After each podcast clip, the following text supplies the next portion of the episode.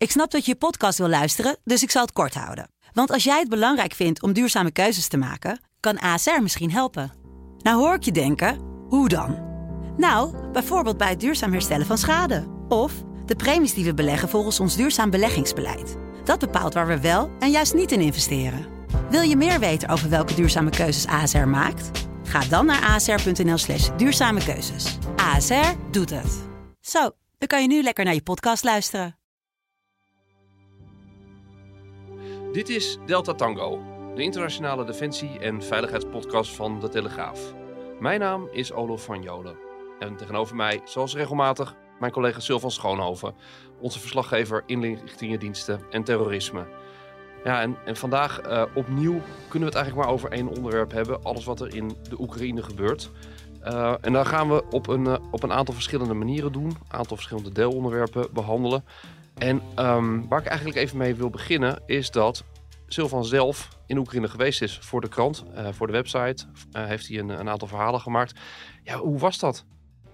Ja, ik ben inmiddels alweer even terug. Ik zat daar helemaal aan het begin, kort na de invasie. Toen op, uh, volstrekt onduidelijk was nog welke kant het conflict opging. Hè. Nu inmiddels weten we veel meer van waar, de, waar de bewegingen gaande zijn. Dat, er, dat de Russen zich terugtrekken uit de omgeving van Kiev. Dat ze zich concentreren op het oosten en het zuidoosten. Maar toen was eigenlijk, toen ik daar binnen ging, was nog heel erg het gevoel ook van het hele land wordt onder de voet gelopen door het machtige Russische leger, die dat in een kwestie van dagen die klus kan klaren. Was je dan toch ook niet bang dat je, want uiteindelijk, uh, je bent vooral in Lviv en omgeving geweest. Uh, ging je dan toch niet slapen dan soms daar met het idee van, nou mijn hemel, misschien staan ze morgen hier aan de poort? Nou, dat viel wel mee. Toen ik er eenmaal zat, toen uh, was duidelijk, toen, toen werd gaandeweg meer duidelijk dat het Westen niet de eerste prioriteit had van de Russen. Maar op het moment dat ik nog in Polen zat en ik zat te broeden op manieren om de grens over te gaan, toen was wel het gevoel van ik kan er wel in, maar ik kan er ook niet meer uit. En dat was toen in de dagen dat er monsterachtige files stonden voor de, voor de grensovergang. En uh, dus je, je, kon die grens wel oversteken, maar het was duidelijk van je, je kon dat land niet uit. En dat gaf wel heel erg het gevoel van ik ga nu het hol van de leeuw binnen en ik trek de, de deur achter mij in het slot. En dat gecombineerd met het idee dat het land elk moment volledig onder de voet kon worden gelopen door het machtige Russisch, Russische leger. Dat was geen prettige combinatie om uh, ja, onbezorgd die grens over te steken en dat land binnen te stappen en daar te gaan kijken. Fladderend reportage maken, wat je, weet je, weet, je, weet je erop uittrekken en wel zien wat je tegenkomt. Ja, dat, dat, dat geldt hier niet. Nu ga je natuurlijk met een heel ander gevoel dat land binnen. Dan weet je gewoon dat Westen, daar zit je wel goed. En naarmate je verder naar het oosten gaat, nemen de risico's toe. Dus nu heb je veel meer in kaart van uh, ja, waar, waar, de gevaren vandaan komen. En dan nog eens natuurlijk on, onvoorspelbaar en onverwacht wat er kan gebeuren. Ja, want ook toen jij daar was, uh, was toch ook in dat westen, in het westelijke deel van het land, was er ook wel spanning. Want uiteindelijk zijn uh, um, fotograaf Rias Immink en jij, met wie je samen optrok, ook, ook echt op een gegeven moment tegen, tegen een situatie aangelopen dat het toch wel even erom spande, niet? Nou ja, kijk, in de tijd dat wij er waren, zijn er ook al wat rakettenaanvallen in het westen geweest. Wij zijn op een gegeven moment uit Lviv een stuk naar het oosten getrokken. In een poging om nou, eens te kijken van hoe het uh, verder landinwaarts eraan toe ging. En wij werden toen prompt uh, aangehouden, nou ja, opgepakt zou je kunnen zeggen, door Oekraïnse militairen.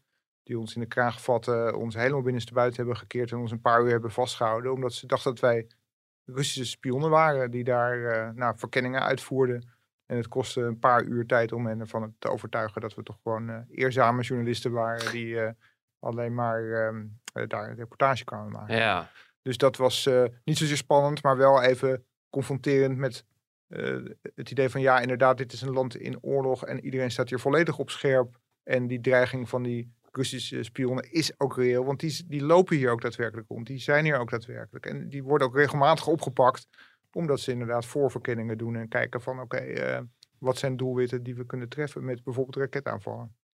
Je, je, zei het net al, dat, dat beeld van die oorlog begint nu uh, duidelijker te worden. Hè? We weten meer waar, waar uh, de grootste uh, aandacht ligt van het Russische leger.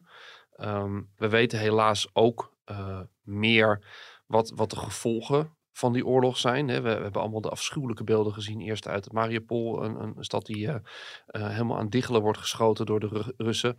Bijna geen woorden voor. En de afgelopen dagen is daar nog wat bijgekomen. Namelijk de gruwelen van, uh, van de voorsteden van, van Kiev, van Busha. Dat zijn beelden die ons iedereen die je ziet in eerste instantie enorm naar, naar de strot grijpen. Tegelijkertijd, zeker als journalist, denk je ook meestal aan dat, aan dat aloude cliché van in een oorlog is het eerste wat sneuvelt de waarheid. En, en dan is die vraag wel gerechtvaardigd van, wat, wat zien we eigenlijk echt? Ja, want uh, aanleiding voor die commotie uit Bucha waar, was een reportage van de BBC. Uh, zij rijden met de auto over straat en daar zie je uh, links en rechts zie je daar lijken op straat liggen. Vermoorde burgers met handen achter de rug gebonden en dergelijke. En dat was nieuws van dit weekend. En gelijk ontstond eigenlijk, ja, ik zal maar zeggen, in het pro-Russische kamp uh, ontstonden geluiden van ja, die beelden zijn fake. Dat zag je bijvoorbeeld ook bij uh, Forum voor Democratie voorman uh, Thierry Baudet, die, die twitterde van ja, maar dit is, dit is nep jongens, we zitten hier naar nepnieuws te kijken, want dat kan helemaal niet, want die burgemeester van die stad, die gaf eigenlijk vier dagen voordat die, die beelden naar buiten kwam, gaf hij al aan van de stad is bevrijd en die maakt helemaal geen gewacht van het feit dat er lichamen op straat zouden liggen. Dus kortom, dat is later in scène gezet om Rusland in een kwaad daglicht te plaatsen. Dus dat zijn acteurs. Nou, dat blijkt niet te kloppen, uh, want ja, uh, de bevrijding van die stad ging niet zonder slag of stoot. Eerst uh, leek die bevrijding een feit, later niet meer.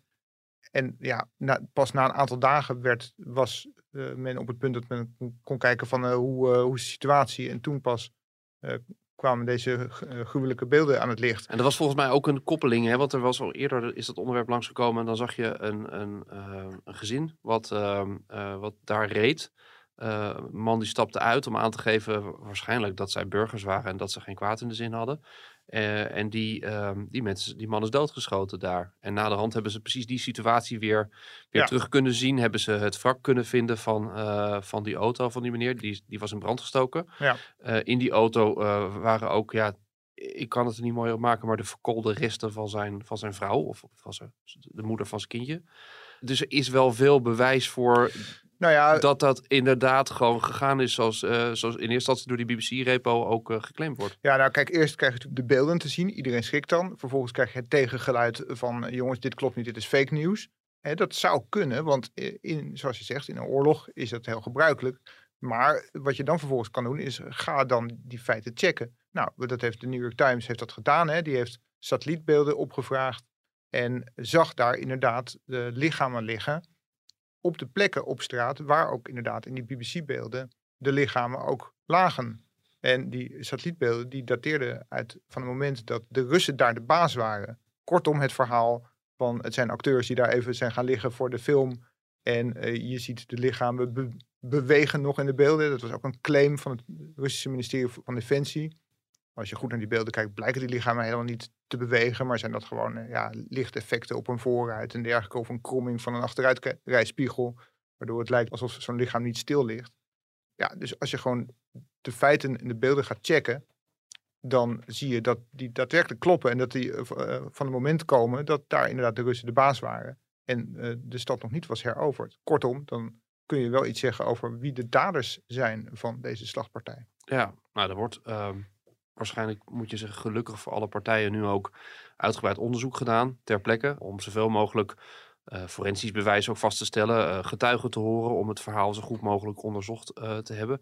Waar dat toe leidt, of dat strafrechtelijk op een of andere manier ooit nog een effect gaat hebben, dat, dat moeten we maar zien. Maar er wordt in ieder geval nu goed onderzoek naar gedaan. Ja, reken maar dat er, dat er nu allerlei bewijs wordt verzameld met het oog op een zaak voor het internationaal strafhof bijvoorbeeld. Ja. Of dat er een speciaal tribunaal wordt, wordt opgezet voor oorlogsmisdaden. Daar, daar wordt, wordt nu al is er een soort team mee bezig, een soort JIT-team, zoals ten tijde van MH17, die uh, nu al bewijzen aan het verzamelen is. Daar, ik, ik sprak gisteren iemand in Oekraïne die daar ook aan meewerkt. Dus die uh, dat team ook in contact brengt met nabestaande slachtoffers, mensen die dingen gezien hebben, ooggetuigen, om zo'n dossier toch nu al op te bouwen. Het lastige zal hoe dan ook ook zijn dat je altijd mensen houdt die toch blijven geloven in die, in die complottheorie. Je gaat nooit iedereen overtuigen uh, want, want ik noem maar wat, er zullen ook, ook complotdenkers zijn die zeggen, ja, die satellietbeelden, die kan je wel, maar die zijn ook vast gemanipuleerd, die zijn ook niet echt. Ja, nou dat is, dat is de moeilijkheid. Hoe overtuig je mensen die op de een of andere manier eh, heel erg in het konijnenhol zijn gedoken, eh, dat het weer één grote propagandastunt is of één grote misleiding eh, door hogere overheden opgezet om het volk dom te houden. Hè? Want dat, dat, Is, is dat de belangrijkste motivatie om, om van die mensen om hier nu achteraan te lopen? Nou, je hebt, je hebt, je hebt ook heel, heel, heel veel verschillende categorieën van sceptici als het gaat om het Oekraïne-verhaal. Eh, ja, ik heb al vastgesteld dat er in Nederland zie je een hele grote overlap tussen de mensen die zich de afgelopen twee jaar heel kritisch over het coronabeleid hebben uitgelaten en daar allerlei theorieën over hadden, over complotten. En de groep die nu, dus ik zal maar zeggen, de pro-Kremlin-lijn eh, volgt. En eh, ik heb een, iemand in mijn, in mijn eigen kennissenkring zitten die ik met enige fascinatie volgde, omdat zij eh, op haar Facebookpagina de, de gro- allergrootste onzin over het coronavirus de wereld in, in Zijn je nog steeds kennis of is het inmiddels wat bekoeld? We zijn nog steeds kennissen, eh, maar we, ja, we zijn niet, niet on- speaking terms, zeker niet. Toen zij inderdaad, en dat kon je al van tevoren al uit, uittekenen, dat gebeurde ook, zich schaarde in de lijn van, ja, de, eh, die Zelensky en die, die regering, die is, ehm, ja, die is eigenlijk zelf schuldig aan het conflict. Oekraïne heeft dit over zichzelf afgeroepen. En zeker als je net terug bent uit zo'n gebied, nou, dan trekt er wel even een rood waas voor je, voor je ogen Ja. langs, kan ik je, kan ik je melden. Nou ja, terecht. Het is natuurlijk ook voor, voor psychologen. En, en dit is geen psychologie-podcast. Maar je, je, je blijft je altijd vragen van... Wat, wat drijft mensen om, om zo verdraaid naar die werkelijkheid te kijken? Nou ja, en dat, dat is dus eh, dat nepnieuws en die valse beelden. Want ik zie ook op haar Facebookpagina, zij gebruikt ook foto's. Bijvoorbeeld een foto van eh, president Zelensky die een, eh, een soort voetbalshirt trots omhoog houdt, waarop een hakenkruis pleit. Nou, hè, dat, dat Wat is, opmerkelijk is, want de man is Joods. Dus de voorkeur Is- voor eh, is Joods, die ideologie maar lijkt de- me wat, wat, wat apart. Maar het, het narratief van, van het Kremlin is natuurlijk van dit, dit zijn nazi's. Ja. En het land moet worden gedenazificeerd. en die regering bestaat dus uit fascisten. En Zelensky is dat ook. En de foto waar hij dat, dat hakenkruis omhoog houdt, dat shirt met het hakenkruis, dat is aantoonbaar een Photoshop. Dus de, de originele foto is ook bekend, waarop hij een voetbalshirt omhoog houdt met het cijfer 95 erop. ja. Dat is geen hakenkruis, maar dat is een Photoshop. Eh, die kennis van mij gebruikt dus die foto en gelooft dat dat echt is. Dus zij twijfelt aan alles, maar niet aan het materiaal wat ze eh, zelf gebruikt, waarvan je nou juist goed kan aantonen dat het nep is. Eh, speelde iets vergelijkbaar zich eh, ook niet eh, rond een, een aanval op een kinderziekenhuis in Mariupol? Ja, dat, is, dat was eigenlijk een van de eerste voorbeelden uit dit conflict, waarbij dat openlijk in twijfel werd getrokken. Een iconisch beeld waarvan je gelijk wist van, nou, dit, dit zou wel eens de World Press foto kunnen worden of zo. Dit is zo'n iconisch beeld voor wat er daar gebeurt. Een vrouw op een brancard die het, ziekenhuis, het ziekenhuis in Mariupol uit werd gedragen, zwanger, overdekt met bloed. Zij is ook later overleden. Maar eh, eh, Rusland trok die foto in twijfel. Er werd gezegd van nee, dit is een actrice, dit is een beauty-blogster. En eh, nou ja, dus dat is in scène gezet. Zij, zij is eigenlijk betaald om daar eh, dit, dit, ja, dit toneelstukje af te spelen. Nou, daarvan staat inmiddels ook vast dat dat, dat, dat niet klopt. De vrouw op de brancard is niet de, de beauty-blogster die Rusland aanduidde. Verwarrend is een beetje dat, dat daar wel inderdaad... Die blogster was wel in, in dat ziekenhuis, was ook zwanger overigens. Eh, Er staat ook op een andere foto, maar dat zijn dan weer twee verschillende vrouwen. De beste leugens eh, blijven soms in de buurt van de waarheid. eh. Ja, precies. En alleen, ja, zij, zij, zij was daadwerkelijk zwanger, lag ook in het ziekenhuis en is ook op de foto gezet. Heeft, ja, dus er is niks in scène gezet. Dus ook dit verhaal vanuit de Russische koker bleef gewoon niet overeind. En ja, de, de foto, voor zover we nu weten, is echt en authentiek. Ja. En die beschieting dus ook van het ziekenhuis. Hey, eh, we, zijn, we zijn nu heel kritisch op Rusland en, en ik denk met reden. Tegelijkertijd, ik sprak eh, eh, meerdere mensen ook vanuit de, de militaire hoek. En die zeiden ook van ja joh, blijf aan alles twijfelen wat je ziet. Zeker. Want, want niet alleen de Russen, dan hebben we het over nepnieuws. Maar het feit dat eh, propaganda natuurlijk van alle kanten is. eh, misschien wel de mooiste, mooiste punt daarvan al is het feit hoe wij de president zien. Hè, rondom Zelensky. Je kan bijna zeggen, er is een soort, bijna een soort persoonlijkheidscultus om, ontstaan. Die man die wordt door iedereen nu omarmd als, als nou ja, eh, heel hard om te zeggen, maar bijna God zelf. Terwijl ook dat is natuurlijk een, een politicus die duidelijk politieke keuzes maakt. Hè, en ik sprak eh, Pieter Binte, oud-directeur van de MIVD. En die zei, joh, eh, het feit dat die man de hele dag in een groen t-shirt rondloopt... terwijl hij van zijn levensdagen nog nooit een geweer heeft vastgehouden waarschijnlijk... dat is eigenlijk ook al propaganda. Tuurlijk, je moet, je moet eh, alles inderdaad durven te bevragen en te betwijfelen. Ook wat van de Oekraïnse kant komt, uiteraard. Goed, goed voorbeeld daarvan is waar beelden op een die naar buiten kwamen van Oekraïnse soldaten die drie Russische krijgsgevangenen in de benen schoten. En duidelijk waar daar bezig waren de Geneefse conventie met, met voeten te treden. Hè. Die, die werden echt als, eh, als, als, als beesten neergeschoten. Daarvan zei uh, de Oekraïnse overheid van nee, die beelden zijn nep. Dat, is, uh, dat zijn of acteurs. En er werden ook argumenten voor aangedragen van hey, het lijkt of ze schieten, maar dat zijn, dat zijn, dat zijn losse flodders. Ze grijpen naar een been, maar dat is het verkeerde been. Je ziet helemaal geen bloed. Kortom, dit zijn nepbeelden. Maar ook dat is gefactcheckt. En daarvan is vastgesteld van, nou, die beelden die zijn hoogstwaarschijnlijk toch wel echt. Het zijn echt Oekraïnse militairen die Russen daar neerschieten. En dat mag gewoon niet. Het, het siert overigens wel eh, de Oekraïnse overheid dat ze daarna wel gezegd hebben van, nou ja, als het klopt, wij gaan een onderzoek doen. Mag absoluut niet, want wij verwerpen dat soort optreden en we zullen dan actie eh, ondernemen. Maar ook van die kant wordt dus uh, wel eens valselijk geroepen van, hé, dit is nepnieuws en gaat om goed acteerwerk. Ze zeiden ook van, ja, deze mensen verdienen een Oscar. Nou ja, blijkt dus achteraf gezien uh, pijnlijke uitspraak. Ik kan alleen zeggen dat het, het voordeel van deze tijd is, en het nadeel dan in dat geval voor machthebbers, de kans dat we dit soort dingen zien en, en dat die ook de wereld inkomen veel groter is dan bij eerdere conflicten. Omdat we nu sociale media hebben, iedereen heeft een smartphone op zak, uh, iedereen maakt filmpjes van van alles en nog wat. Dus, dus, dus het wegstoppen van dit soort incidenten is veel lastiger dan 20, 30 jaar geleden. Om wat te Ja, ja, en er is, er is een stortvoet aan, aan beelden. Iedereen heeft, heeft natuurlijk een camera bij zich, dus je hebt heel veel beelden. En het is heel makkelijk om in die stroombeelden valse beelden te laten meeliften, die dan ook hun impact hebben, waardoor je het beeld kan beïnvloeden in de propaganda. En uh, ja, het enige wat je dus kunt doen is bij alle beelden je afvragen van klopt dit? Hè? Ik, ik, noemde ook het voorbeeld van, uh, ik zag een filmpje van Russische soldaten die bezig waren een vrachtwagen uit te laden waarin granaten lagen. Die rolden ze een heuvel af naar een tank die klaar lag om die granaten af te, af te schieten. Ik denk van, oh, als het maar goed gaat, hè, zo gooien met granaten lijkt me niet handig. En inderdaad, de boel vliegt in de lucht en uh, je hoort een hoop gekerm en uh, geschreeuw van pijn.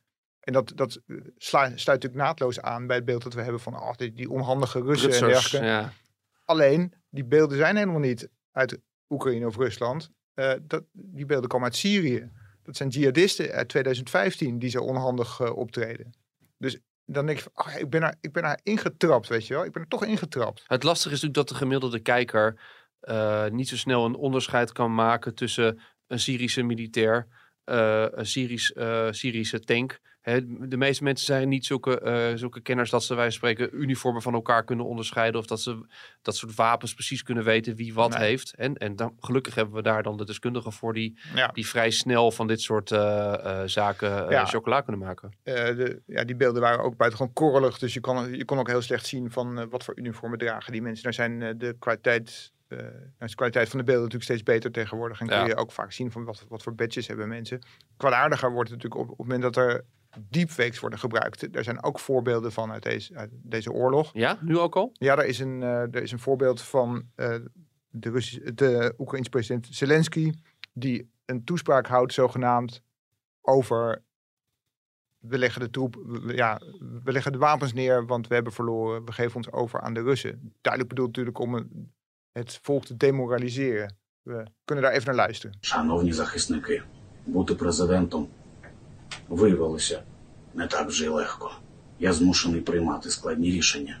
Ja, je, hoort hem, eh, je hoort hem hier eigenlijk op een defetistische toon zeggen van uh, jongens, we hebben verloren. En uh, je ziet zijn gezicht bewegen en je hoort, uh, je hoort hem de, deze woorden uitspreken. De stem klinkt ook wel behoorlijk echt eigenlijk. Ja, dat is ook zijn stem, maar die is, die is natuurlijk bewerkt. En zijn, zijn gezicht is, is bewerkt. Ja, we, we, kennen dat als een, als een deepfake, hè.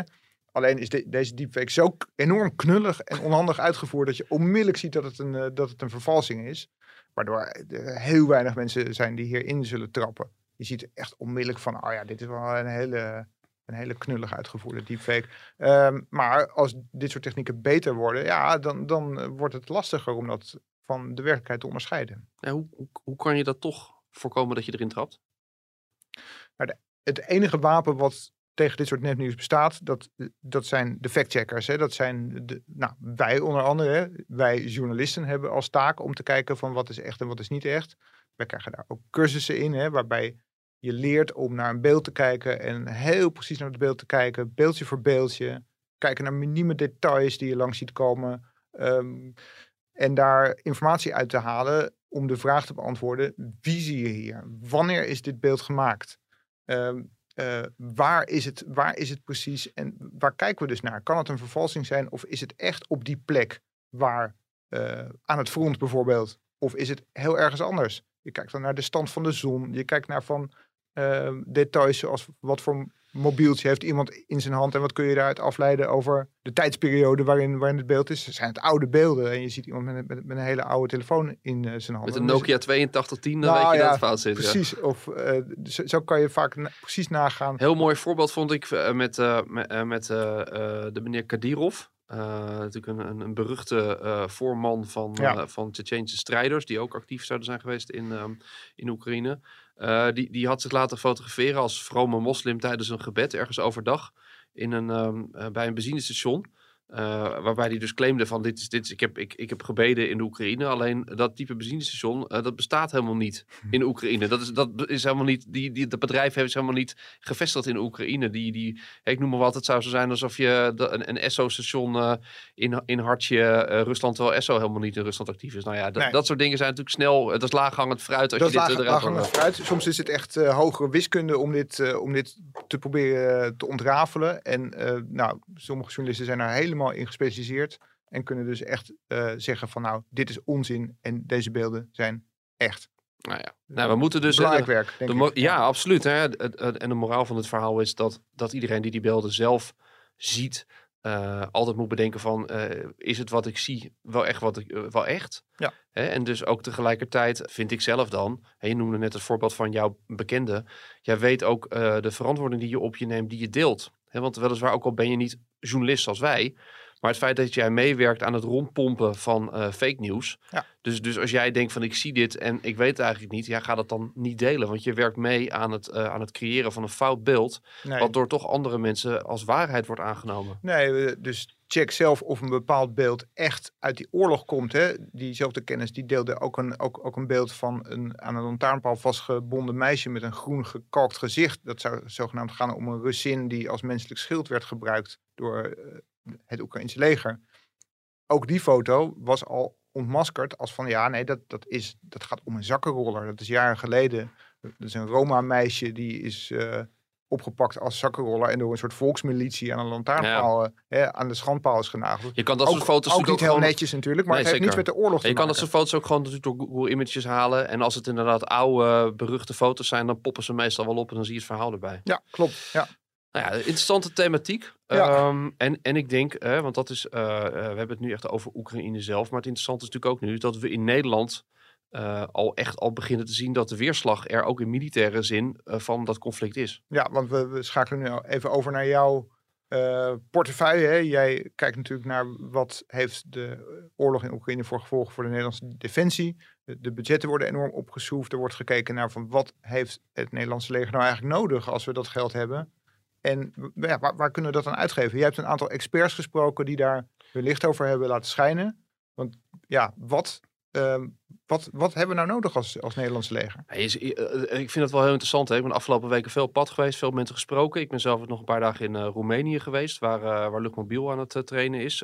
wat eigenlijk natuurlijk ook een, een, een, snel opgezette oefening is om een signaal te geven aan Rusland van hey, Roemenië moet je echt niet binnen, willen binnenvallen, want dan sta je op NAVO-troepen. Um, ik, en ik, het opmerkelijkste van de afgelopen weken vind ik zelf echt wel het, het, het idee dat je van mensen merkt dat ze zeggen van er is een aardverschuiving geweest in ons, in ons collectieve bewustzijn. Um, vorige week sprak ik nog uh, Leo Beulen, de voormalige uh, commandant van de landmacht, de vorige uh, commandant landstrijdkrachten. En die zei ook van, joh, maar eigenlijk niemand, de meeste van ons hielden helemaal niet meer rekening met zo'n zo'n klassiek massaconflict op het Europees continent. Dat zat in helemaal in niemands, niemands zijn bewustzijn meer. Het idee was van, we, we zijn toch, we, we doen nu toch veel samen met Rusland. We zijn misschien niet altijd eens, maar, maar de handel die bindt ons en dat zal, dat win, overwint alles. Nou ja, dat is dus niet zo gebleken. Ja, nou e- en misschien, eh, want Rusland wordt natuurlijk wel al, al, al langer als een, als een toch belangrijke groeiende vijand gezien. Maar wat, je natuurlijk vaak hoorde in de gesprekken was van ja, maar oorlog speelt zich tegenwoordig eh, op internet af. Oh, absoluut. In cyberspace. Ja, ja, ja, We zeker. moeten cyber-experts hebben. Ja. Alles is digitaal tegenwoordig. Nou, dat is goed dat je dat zegt. al hè, want, al het eh, oude metaal hebben we niet meer nodig. Nee, nou ja, en daar is natuurlijk ook naar gehandeld. En, en niet alleen in Nederland moet je zeggen, ter, ter, ter excuus. Maar hè, bijvoorbeeld ook Groot-Brittannië heeft eh, vorig jaar wel besloten om nieuwe tanks te kopen.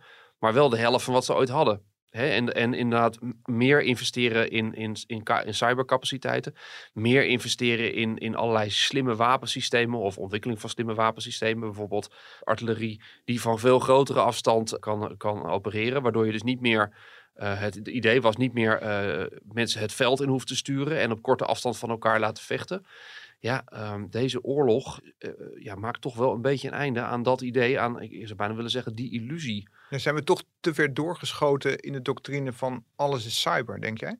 Ja, en dat denk ik zeker. En dat, dat, dat zie je natuurlijk nu ook gewoon terug. En, en, en de filosofie die je nu van, van een hoop mensen toch hoort, is dat ze zeggen, je, je kan niet kiezen. Hè? En die keuze voor cyber had natuurlijk ook een, ehm, ja, een opportunistisch randje.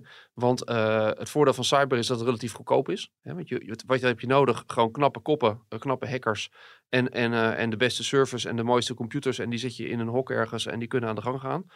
En het is natuurlijk ook een vorm van conflict met elkaar hebben die relatief schoon is. Ja, het is een conflict waarbij je niet het risico loopt dat als je een bom gooit dat je burgerslachtoffers maakt. Waarbij dus ook niet het risico als, als bewindspersoon is dat jij eh, daar eh, naar, eh, naar door in de problemen komt. Dus, dus er zijn zeggen, heel veel, er waren heel veel redenen waarom het politiek ook prettig werd gevonden om op deze manier een krijgsmacht in te richten. ja. En eh, Leo Beulen zei tegen mij ook van ja, we kunnen niet meer kiezen. We zullen en-en moeten doen. We zullen nog steeds moeten eh, investeren in cybercapaciteiten. Alhoewel het interessante van het Oekraïnse conflict is dat er eigenlijk eh, relatief weinig eh, zichtbare cyber operaties zijn geweest. Hè, Het is niet zo dat hier de Russen ervoor gezorgd hebben dat de Van Brienenoord niet meer bedienbaar was. Of dat je, de, er zijn niet allerlei Nou, hier, nee. Nee, maar dat was natuurlijk wel een scenario waar, waarop op werd gehint van, joh, als wij ons op een manier mengen in dat conflict, kijk, en het Westen doet dat militair niet, maar met sancties wel degelijk, dat, dat Rusland zou terugslaan door, door bijvoorbeeld vitale infrastructuur hier te gaan aanpakken of onze elektracentrales te gaan hacken. Of, maar nou, in ieder geval, er zijn twee mogelijkheden. Of het gebeurt niet, of we zijn zo goed in de tegengaande van dat we er niks van merken. Nou, dat, Nee, dat, of, dat, het moet eh, het, of het moet de treinstoring van deze week zijn, eh, zijn geweest. Maar dat, eh, dat was waarschijnlijk onze eigen eh, Ik denk schuld. dat dat is eerder Ja. terug te herleiden denk ik, tot, eh, tot de knulligheid van, van de NS ICT service Ja. provider. Zeg maar, want wat, eh, even serieus, jij, jij, hebt, jij hebt natuurlijk allerlei mensen gesproken die, die, die daar verstand van hebben. Als jij nou op basis van wat, wat zij zeggen een keuze zou moeten maken van wat moeten wij aanschaffen nu? Wat zou, wat zou jouw, Ik- jouw ik keuze zijn dan? Ik, ik, ik was erg geporteerd van, ehm, van eh, Rob Verkerkse visie, eh, oud-commandant van de, van de marine. Eh, en die verwoordde eigenlijk wat al die militaire toppers wel zo'n beetje denken is van... Ga nou eerst sowieso ervoor zorgen dat alles wat je nu hebt, dat dat maximaal inzetbaar is. Dus dan heb je het over zorgen dat de voorraden aangevuld zijn, genoeg munitie, genoeg personeel, eh, genoeg reservedelen om al die apparaten aan de gang te houden. Maar eh, en ga dan de stap maken naar dat wat je hebt beter uit te rusten. Dus bijvoorbeeld een, Nederlandse eh, eh, verdedigingsvergatten, de LCF-vergatten.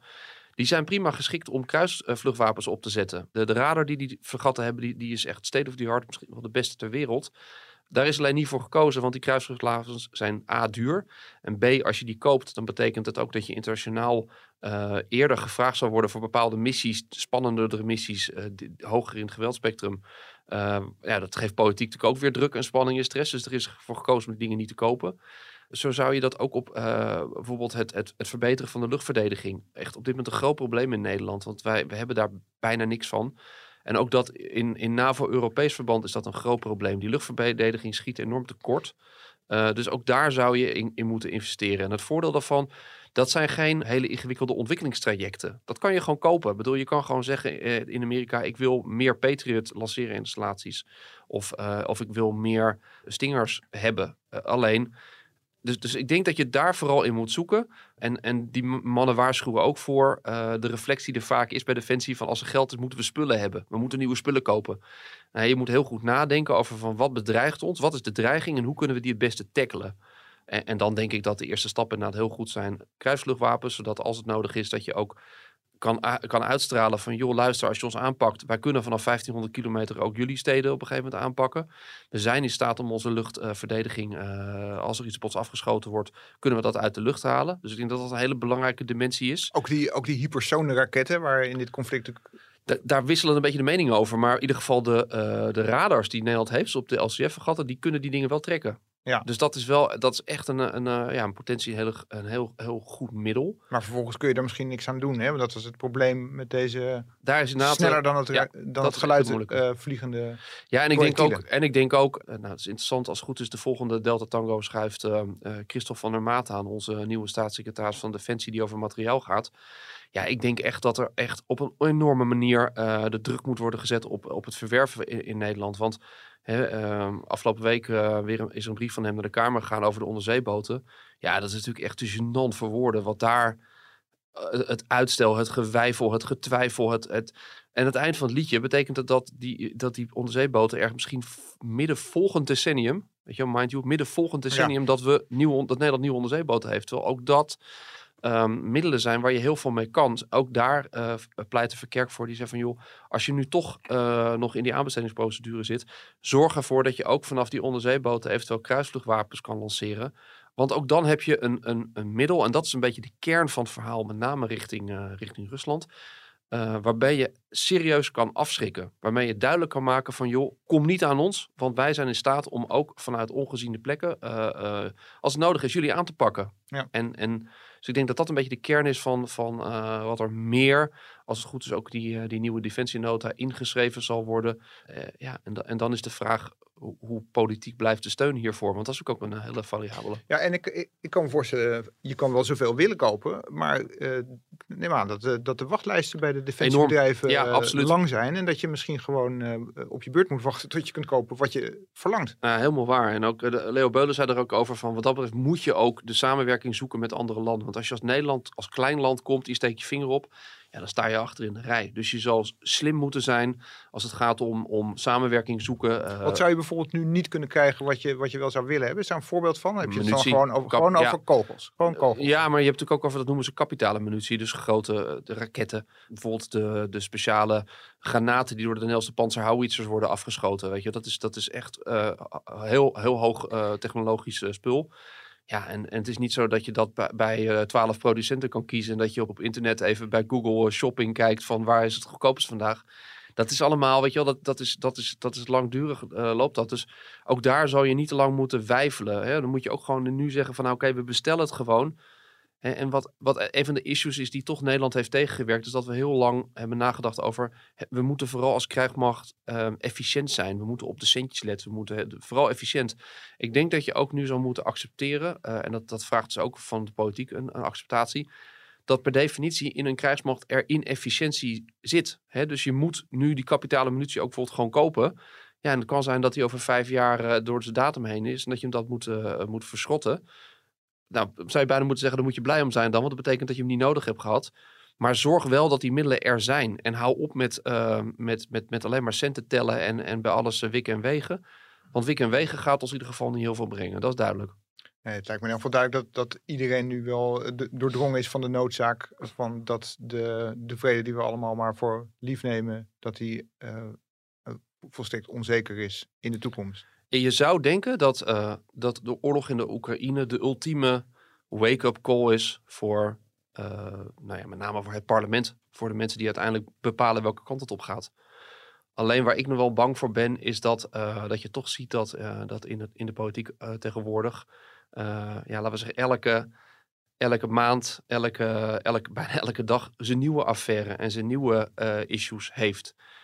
Dus uh, het is ook voor Defensie is dit wat dat betreft er eentje dat zij moeten zorgen dat, uh, dat dit beklijft. Dat het momentum wat er nu is om, om echt te investeren en om te verbeteren, dat dat gepakt wordt. En dat, dat zit hem ook heel erg in dat Defensie ervoor moet zorgen dat ze een goed verhaal hierbij hebben. Een helder verhaal waarbij ook de volksvertegenwoordigers gewoon snappen van oké, deze stappen moeten we zetten om, om, een, om een goede, stevige genoeg krijgsmacht te hebben interessante materie. En we gaan er dus uh, in, in, de volgende Delta Tango meer over horen van de staatssecretaris. Die uh, hier ja. zijn licht over gaat uh, laten schijnen. We gaan het over onderzeeboten hebben. En ja. nou, ik, ik hoop dat het een, um, uh, of we kunnen garanderen dat we, daar, daar, dat we daar stevig in zullen gaan. Nou, we kijken ernaar uit. Dit was in elk geval Delta Tango voor deze week.